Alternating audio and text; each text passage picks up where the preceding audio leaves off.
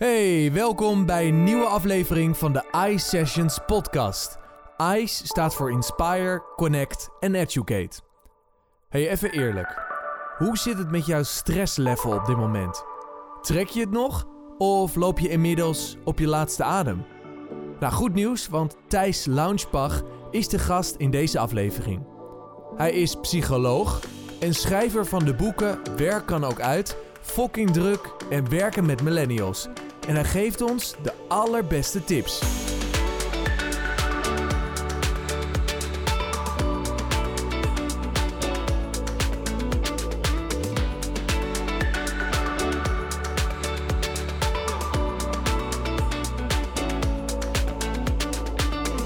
Welkom. Leuk dat je te gast wil zijn in je eigen Haarlem. Dat is dan wel weer eh, lekker, lijkt me. Leuk om hier te zijn. Schrijver van de boeken, ik zei het net al, Fucking druk en werken met millennials. Ja. Is er een verband tussen deze twee onderwerpen? Oh ja, absoluut. We weten dat stress en burn-out voornamelijk ook wel onder deze groep voorkomt. Ook wel onder jongeren en studenten. Iedereen krijgt ermee te maken, maar zeker ook deze groep. Misschien nog wel in meerdere mate dan de andere groepen. En dat heeft te maken natuurlijk met de mensen zelf, maar dat heeft misschien ook wel te maken met de tijd waarin we leven en wat we verwachten van deze groep en wat deze groep van zichzelf verwacht. Uh, dus zeker heeft dat, heeft dat iets met elkaar te maken. En ik heb dat boek Fucking Druk gaat over, zeg maar, dat, dat kan je goed gebruiken als je zelf een beetje gestrest bent en je wil er vanaf. Werken met Millennials is mijn boek om ook een beetje aan werkgevers uit te leggen hoe ze nou het beste om kunnen gaan met millennials en mensen uit, uit generatie Z, zeg Ja. maar. Hè? Nou, we zullen ongetwijfeld dieper op deze twee onderwerpen Zeker. gaan. Een ander boek die je hebt geschreven is Werken ook uit. Gaan we het ook eh, later even over Ja. hebben. Eh, wat fascineert je zo aan deze onderwerpen? Nou, ik ben psycholoog, dat is, dat is mijn vak. Dus ik vind dat sowieso super interessant hoe dat werkt in het hoofd. En ik kom ook nog eens uit de klinische psychologie. Dus dat betekent dat ik me bezighoud met, ehm, nou ja, met stoornissen. En voor wat nou als het misgaat met mensen in het leven. Of dat nou een eetstoornis is, of verslaving, of angst of depressie, of dus ook stress. En ik ben me eigenlijk steeds meer gaan ontwikkelen in ehm, wat wordt er nu van ons verwacht als mensen in de wereld van nu? Die echt heel veel van ons vraagt. Nou ja, we hebben op ons op de een of andere manier een beetje te wapenen, denk ik, tegen wat er allemaal van ons gevraagd wordt. Hè, of het nou social media is, of de eenzaamheidscrisis, of allemaal van dat soort dingen, of nu de coronacrisis. We krijgen nogal wat voor ons kiezen als mensen. Ja. En, en hoe je je daartoe verhoudt, wat je kunt doen om jezelf gezond te maken, of wat je kunt doen om gelukkig te worden, dat zijn de dingen die mij ongelooflijk fascineren. Speelt dat meer dan ooit? Nou, we hebben natuurlijk nu heel specifiek de coronacrisis, wat echt weer zijn eigen set eh, eigenaardigheden en uitdagingen heeft. Maar ik denk sowieso dat we nu in een wereld leven die, die ontzettend druk is. En waarin, we ook, waarin het redelijk normaal is om je behoorlijk veel stress op de hals te halen. En ik denk wel dat dat anders is dan, dan eerder. Simpelweg omdat de wereld ook een stuk sneller gaat, omdat er Mhm. meer keuzes zijn. Hè, loop maar eens een supermarkt in ehm, en maak eens een keuze uit wat voor soort chips je eh, wil eten, zeg maar. Je hebt 33 verschillende soorten. En dat voor elk product, dus je hebt heel veel keuzes. Maar er wordt ook heel veel van je verwacht. Hè? Dus als jong mens nu, volgens mij, eh, krijg je ook wel enigszins de opdracht om iets groots en bijzonders van je leven te maken. En hebben we ook wel het idee dat je heel erg naar buiten toe moet laten zien hoe, eh, hoe, hoe, hoe gelukkig en succesvol en leuk je bent. Eh, en dat je dan pas je goed over jezelf mag voelen. Ehm, dus ik denk dat dat soort dingen allemaal wel meespelen. En we zien ook qua cijfers dat, dat, het, dat sowieso die burn-out cijfers... Misschien komen, we- komen we daar zo nog op terug Mhm. op wat nou precies een burn-out is. Maar eh, dat dat steeds vaker voorkomt, überhaupt. Hè, dat is geloof ik één op de zeven mensen krijgt eh, te maken met stress. Behoorlijk ver, eh, stress, stressklachten ja. of burn-out. Hm. Ehm, en onder jongeren en onder jonge volwassenen is dat één op de vijf ongeveer. Oké. Ehm, dus, dus dat komt inderdaad wel, wel meer voor, zou ik zeggen. En, en wanneer kan je dan spreken van stress Ja, in plaats van gewone zenuwen? ja. Wanneer wordt het nou echt stress? Ehm, stress is eigenlijk het afweermechanisme van je hoofd. Dus eh, het voorbeeld dat ik altijd gebruik is, ik- een aantal maanden geleden was ik op reis in Zwerfhonden? Ja. zwerfhonden. Ja.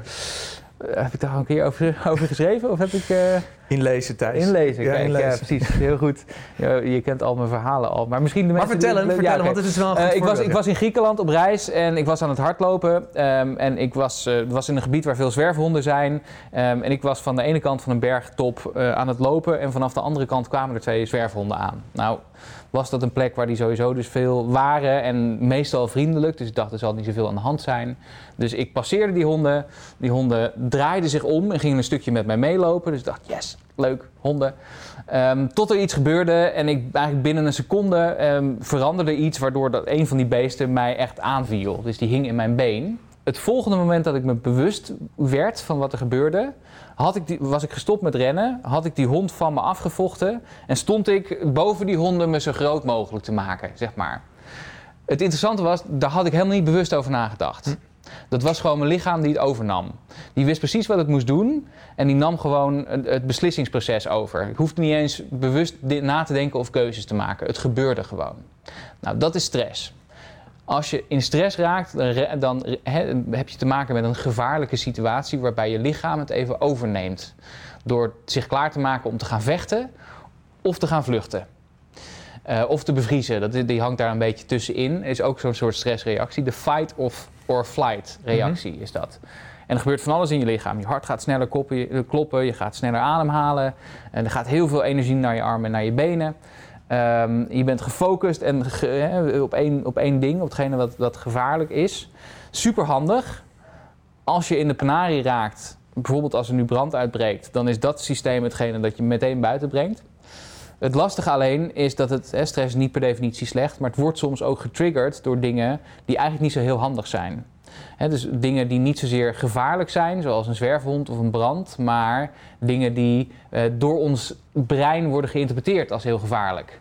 Dus een tentamen dat je moet maken, of een deadline voor een stuk dat je moet inleveren, of ehm, eh, de hele tijd overdonderd worden door een inbox die maar de hele tijd vol loopt. Hè? Of al die notificaties op je telefoon die de hele tijd je aandacht willen, of al die dingen bij elkaar. Dan kan er ook zo'n stressreactie optreden. Op zich is dat nog niet zo heel erg, want daar is je lichaam gewoon voor gemaakt, hè, dat, dat, zo, dat dat zo werkt.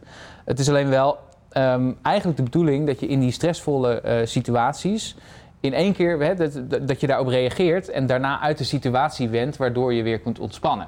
Dan kun je ook weer herstellen, kan je weer rustig gaan ademen. Dan kan je uit de, de alarmstand, uit de overleefstand. Ja. Het lastige alleen met de dingen die we tegenwoordig veel tegenkomen, is dat ze eigenlijk niet weggaan. Dus het is heel veel gevaar van heel veel verschillende kanten en het gaat niet automatisch meer weg. Dus je moet dat voor jezelf soort van bedenken hoe je, daar, hoe je daarmee omgaat. En wat er kan gebeuren is, dat noemen ze chronische stress. Dat is eigenlijk dat die alarmstand aan blijft staan. En dat is heel slecht voor je, voor je gezondheid. Ja. Ehm, dus ehm, dat, nou, dat ga je aan van alles merken. Als je al weken, maanden in de alarmstand staat, ga je minder goed van nadenken, ongezonde beslissingen nemen. Ehm, je gaat, eh, het is slecht voor je immuunsysteem, je wordt er sneller ziek van, al dat soort dingen. Als je dat nou een half jaar volhoudt, of hè, dus m- als je dan steeds meer stress eh, op je blijft nemen en je kan dat niet op de een of andere manier goed eh, laten dalen, Mhm. dan loop je uiteindelijk de kans dat op een gegeven moment je lichaam zegt: ja, maar die overlevingsstand, dat hou ik nu niet meer vol. En dan trekt je je lichaam aan de noodrem en dat is wat ze noemen zo'n burn-out. Ja. Dus dan kan je even de dingen niet meer die je normaal gesproken wel kunt, vanwege de stress. Ja.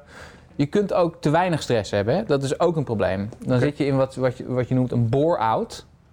En dan heb je het gevoel dat er te weinig gebeurt en dat je te weinig gestimuleerd wordt, dat je je verveelt. Ik kan me voorstellen dat misschien dat ook wel herkend wordt door de mensen die nu naar deze stream kijken. Niet allemaal natuurlijk.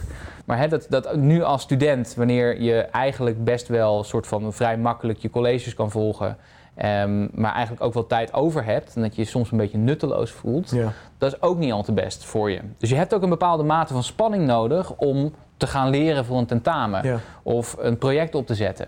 Eh, dus dat, kan je ook, dat is de goede kant van stress en die moet je ook kunnen gebruiken, zou ik zeggen. En wat zijn dan, eh, voordat we verder gaan op een burn-out, wat zijn dan de gevaren van een bore-out? Wat kan er gebeuren als je te lang in zo'n situatie zit?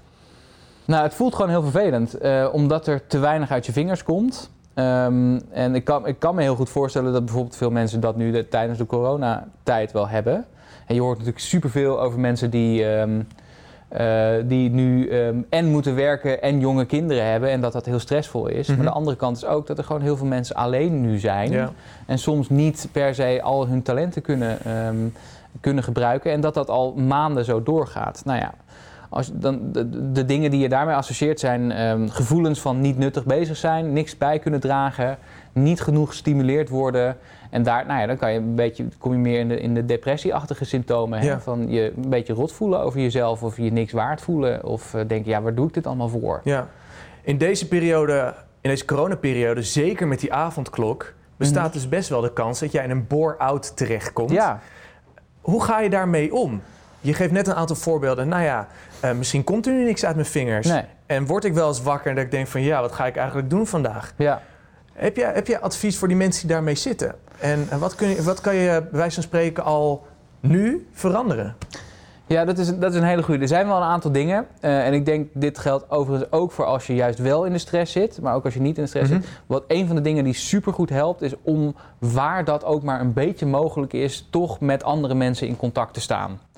Weet je, dat moet dan maar ehm, via Zoom of zo. Of eh, dat moet dan maar aan de telefoon. Ehm, maar eh, ja, weet je, je mentale gezondheid wordt, wordt behoorlijk gereguleerd door het contact dat je hebt met andere mensen. Mhm. Ehm, en het is niet ideaal, maar je mag nog wel met één persoon op bezoek. Je mag met anderen wandelen. Je kan naar buiten, je kan samen gaan sporten. Eh, Ik weet niet meer of dat mag nu trouwens, maar goed, daar wil ik vanaf zijn. Met z'n tweeën misschien. En met z'n Ja. tweeën. en je kunt ook toch die borrel organiseren, maar dan op afstand. Je kunt toch een filmavondje doen, eh, organiseren, maar met elkaar dat je dezelfde film kijkt, maar dan wel op afstand. Je kunt zelfs een dinertje organiseren, waar iedereen zijn eigen eten maakt en op een bepaald moment eh, gaat eten. Ja. Dus er zijn allemaal mogelijkheden om dat sociaal contact te borgen. Dus dat is één. De andere zou ik zeggen is als je meer in die bore-out kant zit, is dat je toch een soort project voor jezelf verzint waar je je energie in kwijt kan. Ga dan maar eens een keer, eh, weet je, die fotocollectie aanpassen, waar je al een jaar, aanpakken waar je al een jaar tegenaan kijkt. eh, en die je wil organiseren. Of ehm, pak dat klusproject thuis aan. Of ehm, ga je vullen met een goed boek. Of met, een, met, een, eh, met, met weet ik veel, de top 100 films van IMDb. Om die maar eens te kijken als een project of zo. Allemaal dingen waarvan je denkt, nou, dan kan ik in ieder geval mezelf op een andere manier stimuleren. En ook het gevoel hebben dat ik iets doe met mijn leven. Ja. Het lijkt wel of ik steeds meer mensen en om, in mijn omgeving hoor zeggen: ik heb last van een burn-out. Ja. Maar voordat, voordat we gaan kijken of dat ook echt daadwerkelijk klopt, Ja. wanneer heb je nou een burn-out? Ja. Eh, dus eh, ik kan me voorstellen: eh, stress, Ja. chronische stress, burn-out. Ja, dat is hem wel zo'n beetje. We moeten moet er wel bij zeggen, er, is, er, is een wat, er zijn wat verschillende meningen over wat een burn-out precies is. Sommige mensen spreken al van een burn-out als je nog aan het werk bent, maar je gewoon echt niet goed voelt en oververmoeid bent en cynisch bent en je afsluit van je werk. Ehm, ik zou zeggen, spreek eigenlijk pas van een burn-out op het moment dat je de normale dingen in het leven niet meer kunt doen vanwege de stress. Hè, dat je echt er even af ligt eh, van je studie of van je werk bijvoorbeeld. Eh er zit natuurlijk wel een hele fase voor waar we het net over hadden. Hè? Dus vaak maanden waarin je wel te veel stress hebt, eh, maar toch nog een soort van door kunt. Wat ook weer zijn eigen gezondheidsrisico's met zich meebrengt. Hè? Dan, mensen lopen op hun tandvlees of mensen plegen roofbouw op hun lichaam. Ik zou zeggen, spreek nou pas van een burn-out op het moment dat je echt dingen niet meer kunt die je normaal gesproken wel kan vanwege de stress. Dus dat is denk ik, dat, dat onderscheid is wel heel belangrijk om te maken. Als jij twee weken behoorlijk gestrest bent, heb je nog geen burn-out. Het kan wel heel vervelend zijn en het kan ook ongezond zijn. Eh, maar ik zou zeggen, praat nou pas van een burn-out op het moment dat je echt eraf ligt. En klopt het dat steeds meer mensen last hebben van een burn-out? Je, je, je gaf aan het begin van het interview aan Ja. dat het jongvolwassenen zelfs 1 op de 5 daarmee te maken kan Ja. hebben. Ja. Ik vind dat superveel. Zie jij, zie jij in de cijfers terug dat er een groei plaatsvindt? Ja, er is, burn-out de, plaats, er is wel degelijk een groei nu. eh, eh, eh, dus specifiek bij de jongeren, maar ook in de algemene bevolking. Zeker als je dat in de afgelopen tien jaar bekijkt. Het wordt steeds gewoon een stapje meer. Ja. Eerder gaf je aan een aantal oorzaken. ja. Maar is hier een eenduidige oplossing voor te vinden? Moet bijvoorbeeld de politiek hier een rol in spelen of moet het vanuit onszelf komen? Het antwoord is ja, beide. Ja, weet, ja. Maar dit, ik heb met deze vra- vraag ook behoorlijk geworsteld. Want ik Ja. heb in het boek waar ik, eh, waar er geloof ik ook nog wat van worden weggegeven. Maar dat komt vast straks wel. Zeker. Ehm, eh, heb ik, eh, hmm, ik ben psycholoog, weet je. Dus dan, dat betekent dat mijn, dat, dat mijn werkgebied zich toch voornamelijk bezighoudt met wat kun je nou als individu doen om jezelf sterker te maken. Of om uit de shit te komen, zeg maar. Uh, dus dat is altijd. En ik denk ook, ja, weet je, als je nu in een burn-out zit, dan heb je niet zoveel over uh, aan grote politieke veranderingen die misschien pas over vijf of tien jaar zijn gebeurd. Dus daar heb je nu vooral wat aan als je jezelf sterker maakt. En als je aan jezelf gaat sleutelen. Want er zijn wel degelijk dingen die je kunt doen om jezelf weerbaarder te maken. En om de stress tegen te gaan. Dat betekent natuurlijk niet, en daar kwam ik ook aan, helemaal aan het einde van mijn boek achter. Toen dacht ik, ja, nou shit, dan heb ik een boek geschreven. Dat gaat alleen maar over wat je zelf kunt doen tegen stress. Terwijl er natuurlijk nog wel een grotere verantwoordelijkheid is. Ik zou zeggen, opleidingen, de politiek, werkgevers. Allemaal hebben we een bepaalde verantwoordelijkheid daarin te nemen. Misschien opleidingen door af en toe ook je bewust te zijn van wat je vraagt van je studenten en misschien die eisen af en toe een klein beetje terug te draaien. Politiek door um, dus, uh, ook echt wel goed in de gaten te houden dat er genoeg hulp mogelijk is voor jonge mensen die met stress kampen. Mm -hmm.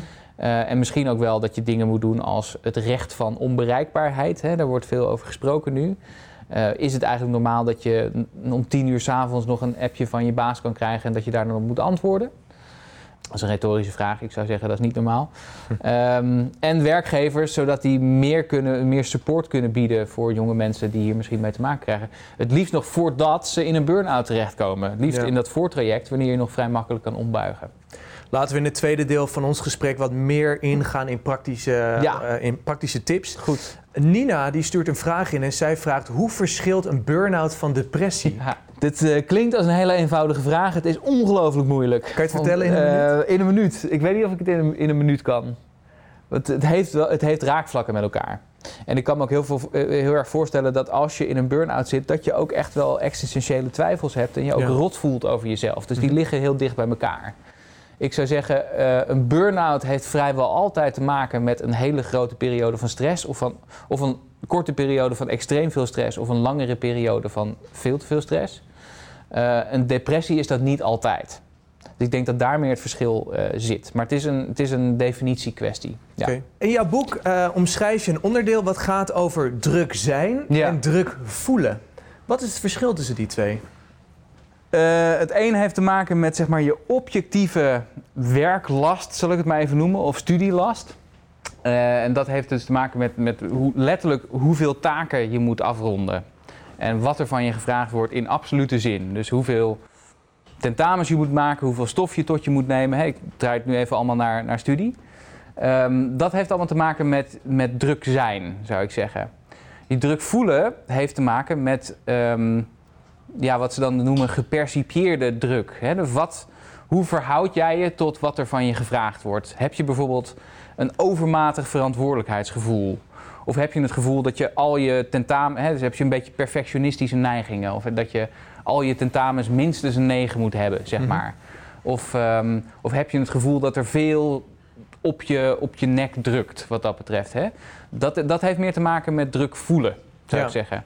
En sommige mensen um, kunnen dus heel druk zijn voordat ze zich druk voelen. En andere mensen voelen zich al heel druk als er eigenlijk nog niet zo heel veel werkdruk aan de hand is.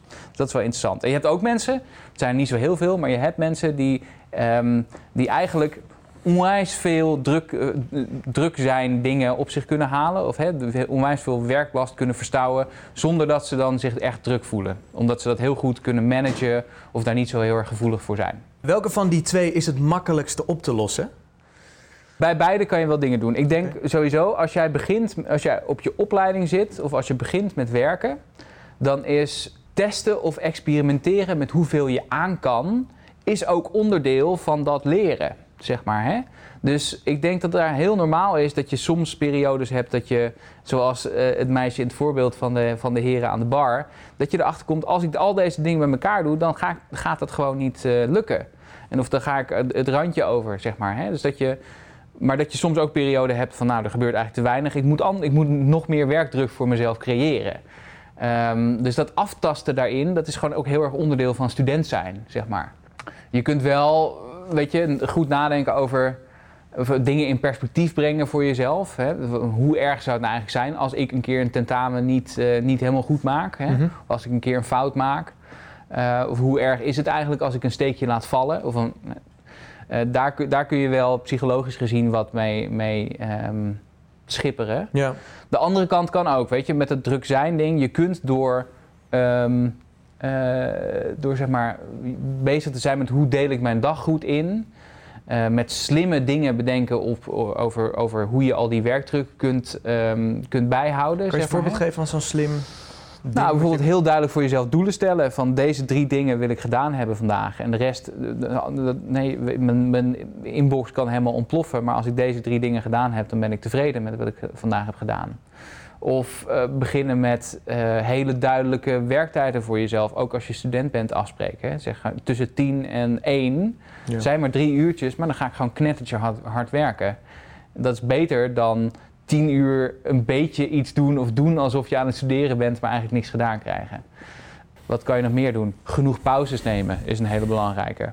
Dat vergeten we mensen wel eens. En studenten nemen ook wel eens te veel pauze. Dat, dat moet ook wel gezegd worden. Eh, maar in ieder geval genoeg pauzes nemen, zodat je ook langere tijd je kunt concentreren op dingen. Ja. Dat is ook een hele belangrijke. En wat voor mij wel een eye-opener eh, is, en volgens mij staat het ook in jouw boek, is Ja? een pauze is niet een YouTube-video kijken, maar pauze is echt even wandelen bijvoorbeeld.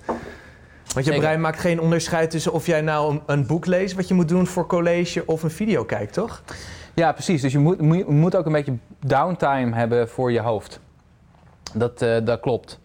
Weet je, ik, ik maak me er ook nog wel eens schuldig aan. Dan ben ik de hele dag aan het werken en dan ga ik een stuk hardlopen. Maar dan wil ik toch een podcast luisteren Ja. tijdens het hardlopen. Ja, herkenbaar.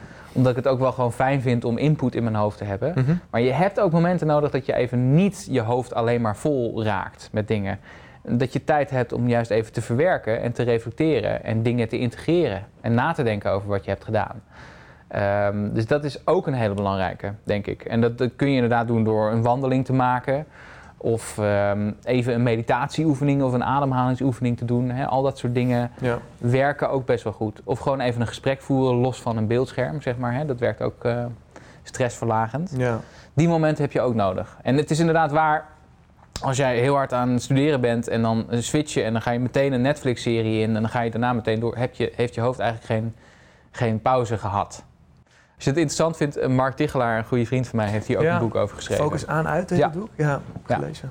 Heel, Heel interessant. interessant. Ik zie, ehm, en dan word ik een beetje door afgeleid. Ik zie, nee, niet op jouw shirt, maar op jouw hand staat een. Oh, een kruisje. kruisje. Ja, Ja, ik, ik was Eh, al bang. Ja, ik moest even iemand nog wat sturen. Ah, oké. Want ik heb ook wel eens eh, gelezen ja. dat als jij heel vaak op je telefoon zit. ja. en als jij bijvoorbeeld een sticker op je telefoon zet. of een kruisje op je hand. Mhm. dat het je dan herinnert dat je niet zo vaak op je telefoon zit. Ja, dat, ik kan me voorstellen dat dat, eh, dat, dat maar dat komt niet van jou. Ehm, ik, ik doe het ook wel eens. Ja, ik weet niet ja. of het... ik- ik- Heeft niet hiermee te maken. Nee, heeft niet, nee, heeft niet hiermee te maken. Wat ik wel eens doe, als ik gewoon heel erg gefocust moet zijn op één project. Bijvoorbeeld als ik bezig ben met een, met een boek en dat kost gewoon heel veel tijd en werk. Dat ik, eh, dat ik gewoon eh, zoiets ook om, op mijn achtergrond van mijn telefoon zet. Zodat ik er altijd aan herinnerd word. Ja. Of dat ik altijd hè, dat ik het visualiseer en dan, zie ik het, dan, dan hou ik dat gevoel vast. Ja. Zeg maar. Ehm, maar je kan inderdaad dat soort dingen ook heel goed gebruiken om jezelf wat bemoedigend toe te spreken of eh, te helpen herinneren aan dingen die je had besloten. Ja. Eh, vragen die binnenkomen. Cato die zegt: Wat is de belachelijkste fabel die je ooit hebt gehoord over het verminderen van stress? Nou, in, misschien wel dat, dat dus, hè, wat, wat Samantha net zei, dat tv kijken eh, stressverminderend zou zijn. Of dat het, ehm, dat, het, dat het een beetje, dat je afleiding kan vinden in super druk nieuws dat de hele tijd bezig is. Hè? Eh, of sowieso dat afleiding zoeken als strategie. Nee, Soms is het nodig om gewoon even te stoppen, maar afleiding zoeken als strategie werkt meestal niet helemaal goed. En iets anders, een andere fabel over stress, is dat, mensen, dat, dat alleen mensen ermee te maken krijgen die eigenlijk niet goed tegen de druk kunnen. Oh, Dat het doetjes zijn die te maken hebben met stress. Terwijl het zijn juist de mensen die, die ontzettend ambitieus zijn en heel veel dingen tegelijk willen doen en het allemaal heel goed willen doen. Dat Ja. zijn de mensen die te maken krijgen met stress en burn-out. Dus ik denk dat, dat we in ieder geval een beetje van de fabel af moeten dat, het, dat je zwak bent als je een keer stress hebt. En dat we veel meer toe moeten naar het is eigenlijk heel normaal. En het is ook heel normaal dat je daar af en toe tegenaan loopt dat het te veel is. Ja. Als ik, als ik uh, het laatste wat je zegt persoonlijk mag maken. Ja. Ik uh, ben heel erg bezig met persoonlijke ontwikkeling. Uh, ik lees veel boeken, ik kijk veel video's. Ik, ik, ik probeer altijd wat te leren. En dan baal ik echt van mezelf als ik bijvoorbeeld een middag zinloos op YouTube uh, vlogs ga kijken van ja. bekende YouTubers die een taart aan het bakken zijn. Nou, is toch heerlijk? Maar ik voel het dan als, als ja, weet je, nou, falen is dan misschien weer een groot woord, maar gewoon heel erg zonde van mijn tijd. Ja. Alsof ik elke minuut van de dag kwalitatief moet inrichten, zeg Ja. maar. Maar dat is natuurlijk helemaal niet zo. Nee, wat is jouw visie daarop? Nou, ik, ik ken het gevoel wel heel erg. Want ik, ik vind het ook fijn om, ehm, eh, om, om bezig te zijn met mijn hoofd. Ehm, en het kan inderdaad voelen alsof je dan niet nuttig bezig bent. Ja. Er is ook een andere manier van naar kijken. Dus namelijk dat je jezelf ook door voldoende pauze te nemen en voldoende ook te ontspannen, stel je jezelf in staat om op die andere momenten ook echt te pieken. Ja. En ook echt die beste prestaties te leveren. Dus een andere manier van naar kijken is dat je ehm, dat ook echt nodig hebt om op de momenten dat, het, dat je het echt wil te pieken. Ja. En denk, denk maar eens aan topsporters, weet je. Ik heb, ik heb die ook wel eens eh, wat vragen mogen stellen. En die zijn ook niet de hele dag aan het trainen. Sterker nog, die doen af en toe een behoorlijke training, maar die compenseren dat met heel veel rust en heel veel slaap. Ja. En heel veel focus op voeding. Hè? Dus dat, eh, en dat doen ze omdat ze weten dat dat de enige manier is om echt die prestaties te leveren. Ja. Ehm, we schoven, schoven nog een fabeltje te bi- te binnen die Ja. vaak hoorde. Ja. Ehm, dat blowen goed is tegen de stress. dat, is niet, dat is niet echt waar. Oké, dat advies gaan we niet mee. Nee, laten we dat. Oké. eh, dat- dat zou ik niet als, eh, voor die middelen inzetten. Nee. Ja. Eh, wat ook veel mensen storend ervaren is dat ze moeite hebben met nee zeggen. Dus dan komt er een collega Ja. of een klasgenoot na- genoot naar hen toe en... hey, eh, Thijs, kan jij eh, dit en dat oppakken? Ja. Iets wat ik heel waardevol vind en wat in jouw boek staat is de zin... eh, moet ik dit nu doen? Ja. Of moet ik dit nu doen? Ja. Of moet ik dit nu doen? Ja. Ehm, zo kan je die zin dus ontleden. Wil je die eens toelichten? Ja, ja, zeker. Dat is inderdaad voor. Excuus, dat is geen corona. Eh, het is gewoon het vele praten. Eh, dat, is, dat is inderdaad. ehm, eh, kun je die gebruiken voor de vraag van. Hè, voor als er iemand met een verzoek naar je toe komt. Maar je kunt het ook voor allemaal andere dingen gebruiken. die toevallig ehm, op je to-do-lijst zijn komen te staan. of die eh, eh, in je agenda zijn eh, komen te staan Mhm. is je dus als je, als je workload bij elkaar te veel is, dat je nadenkt over inderdaad de vraag: moet ik dit nu doen? En dat is een beetje een Inspector Gadget-achtige vraag, want hij bestaat. Inspector Gadget? Nee, dat is Ja, voor jouw tijd. Jawel? Ja, zeker, absoluut. Weet- hij bestaat uit vier delen. Dus moet ik dit nu doen? Met andere woorden, heb ik een keuze? Mag ik het ook niet doen? Moet ik dit nu doen?